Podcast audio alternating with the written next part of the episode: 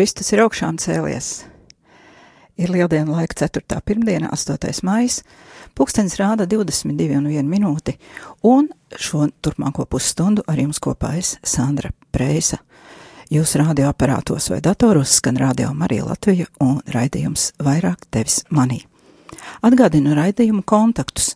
Ētera telefona numurs 67 969 131, numurs izziņām 266 77 272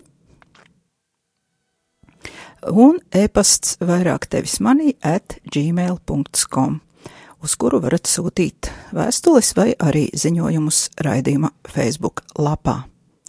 Šis ir jau ceturtais raidījums par to, kas tad īsti ir cilvēks un kāda rīcība raksturo cilvēku un atklāja viņa cieņu, bet kāda turpretīm cilvēku pazemo un šo cieņu sabradā. Šodien turpināsim sarunu par mīlestības pretstatiem. Varētu jautāt, kāpēc? Ir taču tik daudz skaistu lietu, par kurām runāt, bet, diemžēl, mēs dzīvojam ļoti savādā pasaulē, kurā cilvēki vairs neprot saukt lietas to īstajos vārdos. Tādēļ par mīlestību bieži tiek sauktas tādas lietas, kuras nemaz nav mīlestība, bet cilvēki notic, jo nezina, ka var būt arī citādi. Bet, ja nojauš, ka kaut kas nav īsti kārtībā, tad nezinu, kā argumentēt, vai kur un ko tad īsti meklēt. Bet par to runāsim raidījuma tālākajā gaitā. Ir viena priecīga vēsts. Viena klausītāja ir izcīnījusi pārsteiguma balvu, jo atsūtīja ļoti labu atbildi pagājušajā reizē uz konkursu uzdevumu. Viņa uzrakstīja savu versiju par to, kas ir pretstats mīlestībai. Un šajā sestdienā, 13. maijā, mums būs tikšanās studijā un balvas saņemšana. Vēlos informēt arī klausītājus, kuri klausās rādījuma arī arhīvu, ka raidījumi ir sašķiroti mapēs pēc raidījuma nosaukuma, alfabēta kārtībā, un katrā mapē ir apkopoti visi šīs sezonas attiecīgie raidījumi. Tādēļ tos var vai nu noklausīties, vai arī ielādēt savās ierīcēs. Bet, ja kāds vēlas saņemt saiti uz maniem pagājušās sezonas raidījumiem, tad rakstiet uz e-pastu vai sūtiet ziņu Facebook lapā, un es jums aizsūtīšu saiti uz failiem. Bez tam vēlos pateikties arī visiem klausītājiem, kuri ir rakstījuši, zvanījuši vai personīgi izteikuši savas domas par radio vispār vai par manu raidījumu, jo tas ir svarīgi visai radio komandai. Tas palīdz gan uzlabot mūsu skanējumu, gan raidījumu kvalitāti. Ja mēs ieskatītos apakstuļa Jāņa sarakstītajā evanģēlijā vai vēstulēs, mēs tur ļoti bieži ieraudzītu vārdu mīlestība. Tāpat arī iepazīstot dažādu svēto cilvēku dzīves stāstus, ar mīlestību sastopamies ik uz soļa. Kādā no janvāra raidījumiem, lasot par svēto Katrīnu no Sienas, dzirdējām, ka kādā atklāsmē pats Dievs viņai saka: Neraizējies, mana mīļā, labā meita, jo tā tev vajag piepildīt visu taisnību. Tu nedrīksti būt noderīga vienīgi pati sev, nē, tev jāpalīdz arī citiem, jo arī viņu dēļ es tev dodu savu žēlastību. Es taču nevēlos tevi sūtīt prom no sevis, tieši pretēji. Mīlestību uz cilvēkiem tevi vēl ciešāk saistīs pie manis. Šāds ir mans nolūks. Es esmu jums devis divus mīlestības baušļus. Jums ir jāmīl mani un jūsu tuvāko. Es vēlos, lai tu piepildi abu baušļu taisnību. Tev nav jālec apkārt uz vienas kājas, bet gan jāstaigā uz abām kājām. Ar abiem spārniem pacelies pret debesīm. Un šo citātu es nolasīju tādēļ, ka visi raidījumu veidotāji ir brīvprātīgi radiodarbinieki un nesaņem nekādu naudu par ieguldīto laiku un darbu. Tā arī visas radio komandas darbs ir no mīlestības uz saviem klausītājiem, kā nu kuram Dievs ir devis. Savukārt jūsu zvani un vēstules ir šīs dievišķās mīlestības apmaiņa. Tie ir debesu valstības pamati, kurus mēs ieliekam jau savas zemes dzīves laikā. Bet tagad, atbilstoši liturģiskiem laikam, iesāksim raidījuma galveno daļu ar lūkšanu. Lūksimies visos mūsu pašu un rādījumu arī atbalstītāju nodomos, kā arī par svētā Dominika sekotājiem Baltijā un Francijas provincē Dieva tēva un dēla un svētā gara vārdā Āmen. Debes karaliene līksmojies, aleluja! Tas, ko tu kā bērnu nesi, aleluja! Augšām cēlies ir kā teicis, aleluja! Lūdz Dievu par mums, aleluja! Priecājies un līksmojies, jaunā Marija, aleluja! Jo kungs ir patiesi augšām cēlies, aleluja!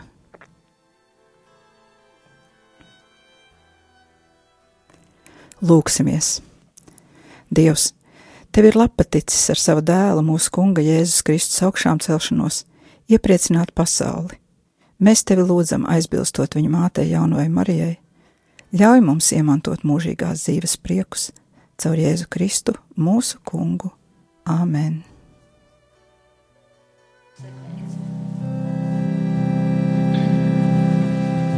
Lai kristieši šais līksmajos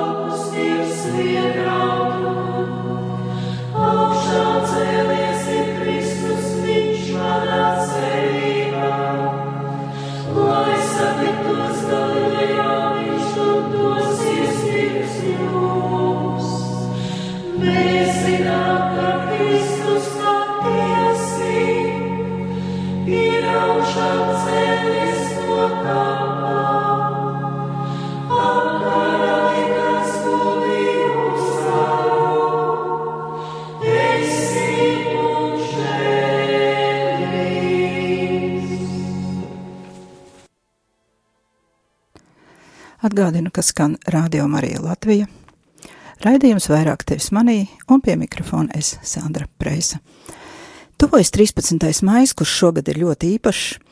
Šajā dienā paiet simts gadu kopš trīs bērni Fatimā, māsiņa un brālītis, sešgadīgā Žasinta Martu un astoņgadīgais Francišku Martu un viņu māsīca deviņgadīgā Loseiduša Santuša sāka piedzīvot dievmātes parādīšanās, kuras šobrīd ir baznīcas apstiprinātas kā autentiskas. Šā gada svinību laikā Fatimā, Žasinta un Francišku, jeb kā latvieši pieraduši izrunāt Jacinta un Francisks, tiks kanonizēti. Un līdz ar to viņi būs paši jaunākie kanonizētie svētie, jo nomira nesasniedzot 11 gadu vecumu. Savukārt Lūcijas beatifikācijas process vēl turpinās, jo viņa nodzīvoja ļoti garu mūžu un nomira 2005. gadā 98 gadu vecumā. Ja vēlaties uzzināt vairāk par Fatimas notikumiem, tad iesaku izlasīt grāmatu Fatima Lūcijas atmiņās, kur ir pieejama latviski. Tā ir ļoti vērtīga, jo notikums tajā atstās nevis kāds cilvēks no malas, kā nu viņš to ir sapratis, bet gan visu notikumu dalībniece. Es biju dzirdējusi un lasījusi daudz un dažādu stāstu versijas par Fatimu un teikšu atklāti. Dažreiz tie man kaitināja ar savu samākslotību, vai ar milzīgu uzsvaru uz kādām nebūtiskām lietām, kā piemēram šīm parādībām piešķirot tik lielu nozīmi, it kā tās būtu līdzvērtīgas evaņģēliem. Cilvēkiem neskapēc ir milzīga kāra pēc visādām pārdabiskām lietām, bet pavisam netik liela pēc parastas un tikumiem piepildītas dzīves. Taču pilnīgi cita aina atklājās, lasot pašas Lūcijas stāstījumu. Tas uzrakstīts tik vienkārši un patiesi, ka viegli un nemanām ievada lasītāju 20. gadsimta sākuma Portugālē ar tā laika ļaužu vienkāršo ikdienu, cilvēku pazemību, sirds vienkāršību, prieku un bērnišķo ticību. Tā kā no sirds iesaku, nopērciet grāmatu Fatima Lucijas atmiņās un izlasiet. Tāpat arī, ja jūs interesē šie notikumi, eh, varat noklausīties Radio Marija arhīvā 1. māja raidījumu Duk in Altum, kurā divas rārzī profesori stāsta par Fatimas notikumiem un dalās iespaidos par nesen veikto svētceļojumu. Arī Fatimas stāsts zināmā mērā saistās ar mūsu apskatīto mīlestības un mīlestības pretstatu tēmu. Dievmāte mazajiem bērniem atklāja ļaunuma klātesamību pasaulē, parādot Elles vīziju un stāstot par briesmām, kādam, kādām cilvēki sevi pakļaus, ja nenožēlos grēkus, neatgriezīsies un nelūksies it īpaši par Krieviju. Kas zina, kāda būtu pasaules vēsture, ja cilvēki būtu ņēmuši nopietnāk dievmāts vēstījums, ja vairāk lūgtos rožu kroni un būtu Krieviju veltījuši dievmāts bezvainīgajai sirdī uzreiz pēc parādībām un nevis pēc daudziem gadiem. Jo interesantā kārtā pēc tam, kad Jānis Pāvils II šo veltīšanu īstenoja, sagruva ļaunuma impērija, padomju savienība. Nu, kas zina, varbūt, ka tā bija sagadīšanās, bet tas neizslēdz arī to, kā mēs varam sadarboties ar Dievu cīņā pret ļaunumu pasaulē. Tagad pēc nelielas muzikālas pauzes turpināsim mūsu raidījumu tēmu par mīlestību un tās pretstatiem, kur iesākām pagājušajā pirmdienā, un, un aicinu pievērsīsim uzmanību dziesmas vārdiem.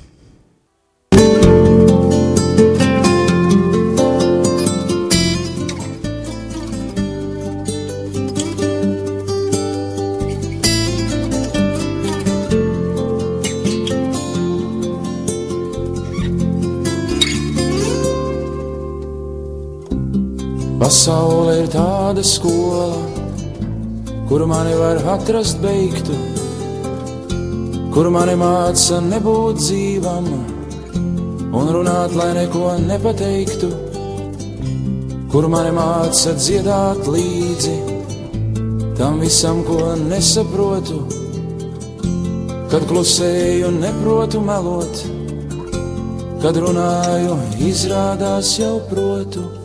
Pasaule ir tāda skola.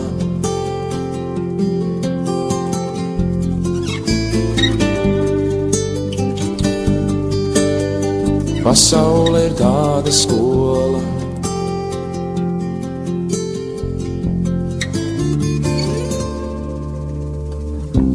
Man saka, dzīvo ir diena, bet kāpēc tik tumšais rūtīm? Cilvēki neredz viens otru un izskrien viens otram caur krūtīm. Pasaule ir tāda skola, kur visi mācās no kļūdām. Dievs mūs grib darīt par baznīcām, mēs sevi par suņu būdām. Pasaule ir tāda skola.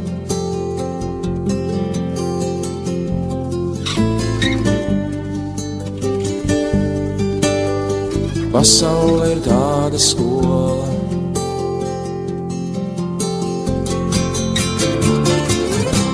Un to, kā viss ir pa īstam, to skolotāji nedrīkst sacīt. Šai pasaulē jālasa avīzes, tajā aizliegts lasīt no acīm. Šai skolā pārmāca visus, kā bēgt no īstenības. Es ienācu tajā ar basām, no uzvalkā paslēpties gribas. Pasaule ir tāda skola.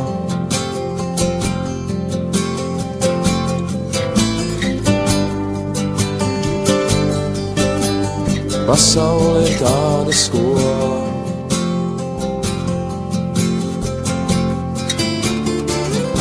Pie kāda skolnieka zārka dzied mācītājs mirstam, kas galā. Šī pasaule dzīvo vai mirušu, cilvēku vienmēr noliek malā. Šī pasaule tikai izliekas gudra un svin savu izlikšanos. Es labāk palieku par muļķi, ticu dievam un tinos. Pasaule ir tāda skola.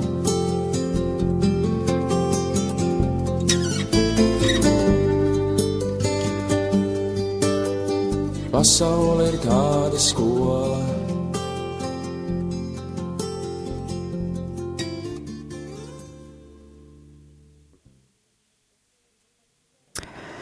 Nu, lūk, pasaule ir tāda skola, tādziet, kas par Dimitrs. Dievs grib mūs darīt par baznīcām, mēs sevi par suņu būdām. Skan radio arī Latvija. Eterā es Sandra Preisa, raidījumu vairāk tevis manī, un turpinam. Kas par Dimitra tik skaisti apdziedāto tēmu par mīlestības pretstatiem tiem, kuri vēlas vairāk uzzināt par to, ko mēs šeit runājam, ir iespēja izlasīt patstāvīgi kādas grāmatas, un tādēļ nākamās muzikālās pauzītes laikā būtu labi, ja jūs varbūt pameklētu kaut ko, kur pierakstīt grāmatu nosaukums. Bet tagad es vēlētos sākt ar angļu rakstnieku un filozofa Nārnijas Hroniku autora Klaiva Steipla Luisa domu kura man liekas palīdzēs atklāt, kāpēc šajā raidījuma sadaļā par cilvēku un garīgumu mēs esam pievēršušies tik sāpīgai un gandrīz vai pilnīgi pretējai garīgumam, pretējai tēmai. Slavenais britu rakstnieks pirms kļūt par dedzīgu kristietības aizstāvi ir bijis ateists. Lūijas atgriešanās stāstā liela nozīme bija diskusijām draugu lokā Oksfordas universitātē. Īpaši būtisku lomu Luisa dzīvē spēlējis slavenais katoļu rakstnieks Džons Ronalds Royals Tolkiens, triloģijas gradzena pavēlnieks autors, jo viņi bija labākie draugi.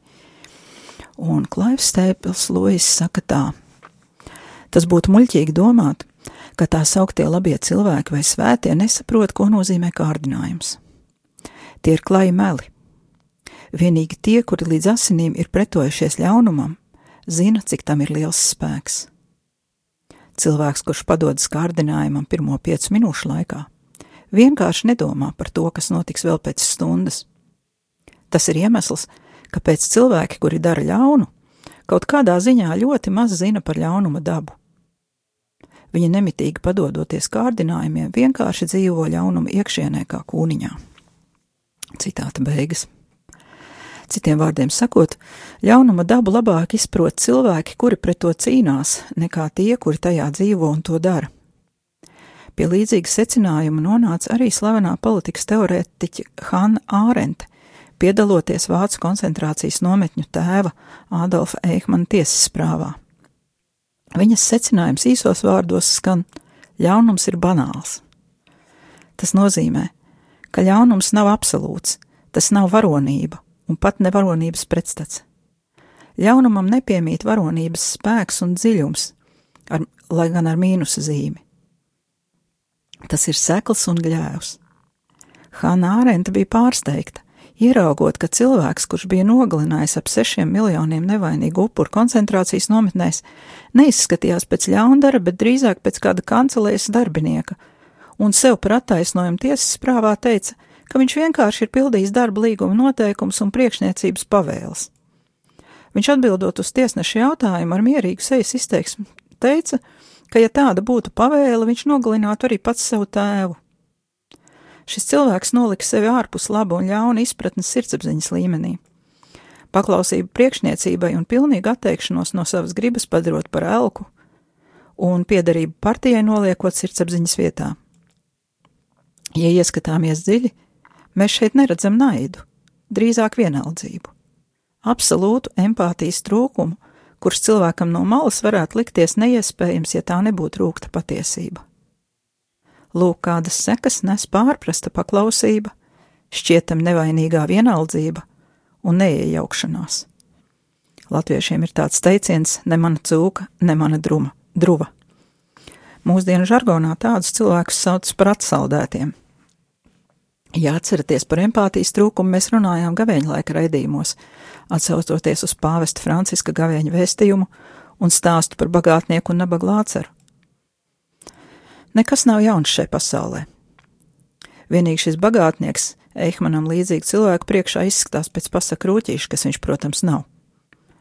Un šeit esam nonākuši pie pirmās ieteicamās literatūras un mākslas.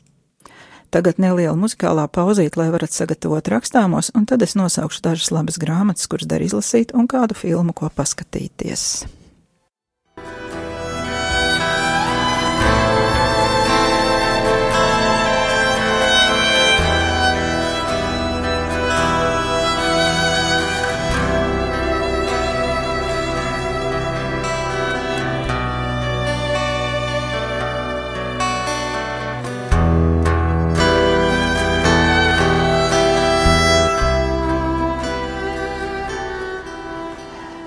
Un tagad atgriežamies pie raidījuma solītais grāmatu saraksts. Tātad pirmā grāmata - Klaivs Stēpls, Lūis, vienkārši kristietība, kur vieglā valodā un saprotami apraksta kristietības būtību. Tad vēl viena grāmata, arī tā paša autora Skrūšņoras vēstules, kur ar ļoti labu humoru izjūtu ir aprakstīti kristiešu galvenie grēki un netikumi. Tur ir veca kārdinātāja pamācības jaunajiem, kā uzvarēt kārtīgus kristiešus, kur katru svētdienu iet uz baznīcu. Un šī grāmata labi palīdz ieskatīties sevī caur humoru prizmu. Ja ir pieejamas citas šā autora grāmatas, lasiet jebkuru, jo visas ir labas. Tad es ieteiktu arī noskatīties mākslas filmu Hanna Ārente, kura ir skatām YouTube kanālā Krievu, Angļu, Vācu un Franču valodā. Šī filma ir ieguvusi vairāk kinofestivāla balvas un ietver sevī dokumentālus kadrus no Eikmana prāvas. Un, ja vēlaties, es jums varu nosūtīt saiti Krievu versijai. Rakstiet man tad uz vairāk tevis manī at gmail.com. Un mazliet aizsteidzoties priekšā tam, par ko mēs runāsim, vēl viena grāmata - Robina Norbuda. Sievietes, kuras mīl par daudz, tāds ir grāmatas nosaukums, izdevniecība Jumava 1999. gads. Un, protams, kā mums, lai būtu īsta skaidrība, kā ir jāizdara izvēles, ļoti labi noderēs Katoliskās baznīcas katehisms, otrā Vatikāna koncila dokumenti, un tiem, kuri lasa angliski no sirds, iesaku pašiem izlasīt arī apustulisko pamudinājumu Amoris Leticija par mīlestību un ģimeni, kuru var ielādēt no Vatikāna mājaslapas PDF formātā. Tie, kuri angliski nelasa, savukārt var atkārtot noklausīties priesteru katehēzes, kurās īsumā tika apskatīts šis dokuments. Tas bija šīs sezonas sākumā. Savos raidījumos es nevaru apskatīt šīs izrunātās tēmas tik dziļi, bet tikai dot impulsu tiem, kuri vēlas dzīvot tuvu paši sev un dievam. Bet tagad Vēl viens citāts, kurš mums droši vien nepateiks neko jaunu, bet atgādinās to, ko zinām un esam runājuši citos raidījumos. Šo domu ir izteicis viens no slavenākajiem ārstiem, psihiatriem un psihoterapeitiem Viktors Frankls. Šis cilvēks bija ebreju izcelsmes, un otrā pasaules kara laikā ir izdzīvojis izējot cauri piecām koncentrācijas nometnēm. Viņš nomira 1997. gadā, 92 gadu vecumā, un lūk, ko viņš saka par cilvēku. Ieslodzīts koncentrācijas nometnē, es redzēju gan cilvēkus, kur uzvedās kā lopi, gan tādus, kur izturējās kā svētie. Cilvēks ietver sevī abus šos potenciālus, un tas, kuru no tiem viņš realizēs, ir atkarīgs nevis no apstākļiem, bet no viņa lēmuma. Ir pienācis laiks, kad veidojot priekšstatu par cilvēku, mums ir jāietver tajā arī šis lēmums, kurš nosaka cilvēka esamības kvalitāti. Cilvēks ir būtne, kura radījusi Aušvicas gāzes kameras, un būtne, kura dodas tajās iekšā paceltu galvu un ar lūkšanu uz lūpām. Citāta beigas. Mēs ļoti radikālā formā dzirdējām, ka nekādi apstākļi nevar būt attaisnojums cilvēku rīcībai. Tāpēc arī tribunāls notiesāja iepriekš minēto Eihmanu ar nāvi, jo tas, ka viņš bija atteicies domāt un paklausību pacēlis pāri jebkādai cilvēcībai, bija viņa paša izvēle un viņa lēmums, un nevis kaut kādi apstākļi. Iepriekšējā raidījumā mēs runājām par mīlestību, vairāk akcentējot tās izpratni kā jūtas un ar jūtām saistītās norises un pievērsām uzmanību sekulārajā vidē atrodamajiem materiāliem. Tā mēs atklājām, ka par mīlestību tiek dēvētas lietas, kuras patiesībā ir pretstats mīlestībai, piemēram, otra cilvēka padarīšana par lietu. Savukārt izvēle, kur šādos gadījumos tiek dota tam, kuru izmanto, ir starp izma- izmantošanu vai ignoranci jeb atmešanu, kuras abas ir mīlestības pretstati.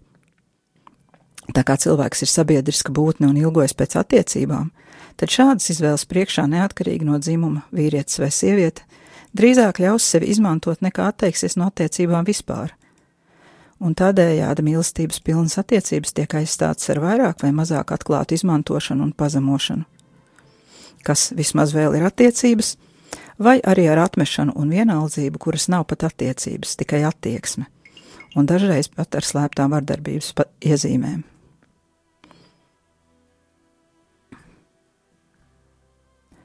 Šeit arī es ar nolūku nepieminēju naidu, kas ir krasas mīlestības pretstats. Jo atklāta naida gadījumā cilvēkam ir iespēja izlīgt, aktīvi pretoties vai apzināti aiziet prom. Tādēļ vismaz teorētiski šādām attiecībām ir saredzams gals, pie tam dažreiz samērā pozitīvs, bet izmantošanas gadījumā attiecības ļoti bieži netiek pārtrauktas dažādu iemeslu dēļ. Piemēram, attiecības mocītājs un upuris var pastāvēt ļoti ilgi, ja cilvēki neko citu nekad nav redzējuši. Un visbiežāk tam pamatā ir vismaz vienas iesaistītās personas nepareiza ist- izpratne par piedošanu. Kā rezultātā viens iegūst tiesības nemitīgi darīt otram pāri, bet tam otram partnerim nav nekādu citu tiesību, kā vienīgi nemitīgi piedot. To mēs lasījām arī jau kādā no iepriekšējiem raidījumiem, ko iesaku kontekstā ar šo raidījumu varbūt vēlreiz paklausīties, jo visi šie raidījumi tiek veidoti tā kā viens otru turpinājums un papildinājums.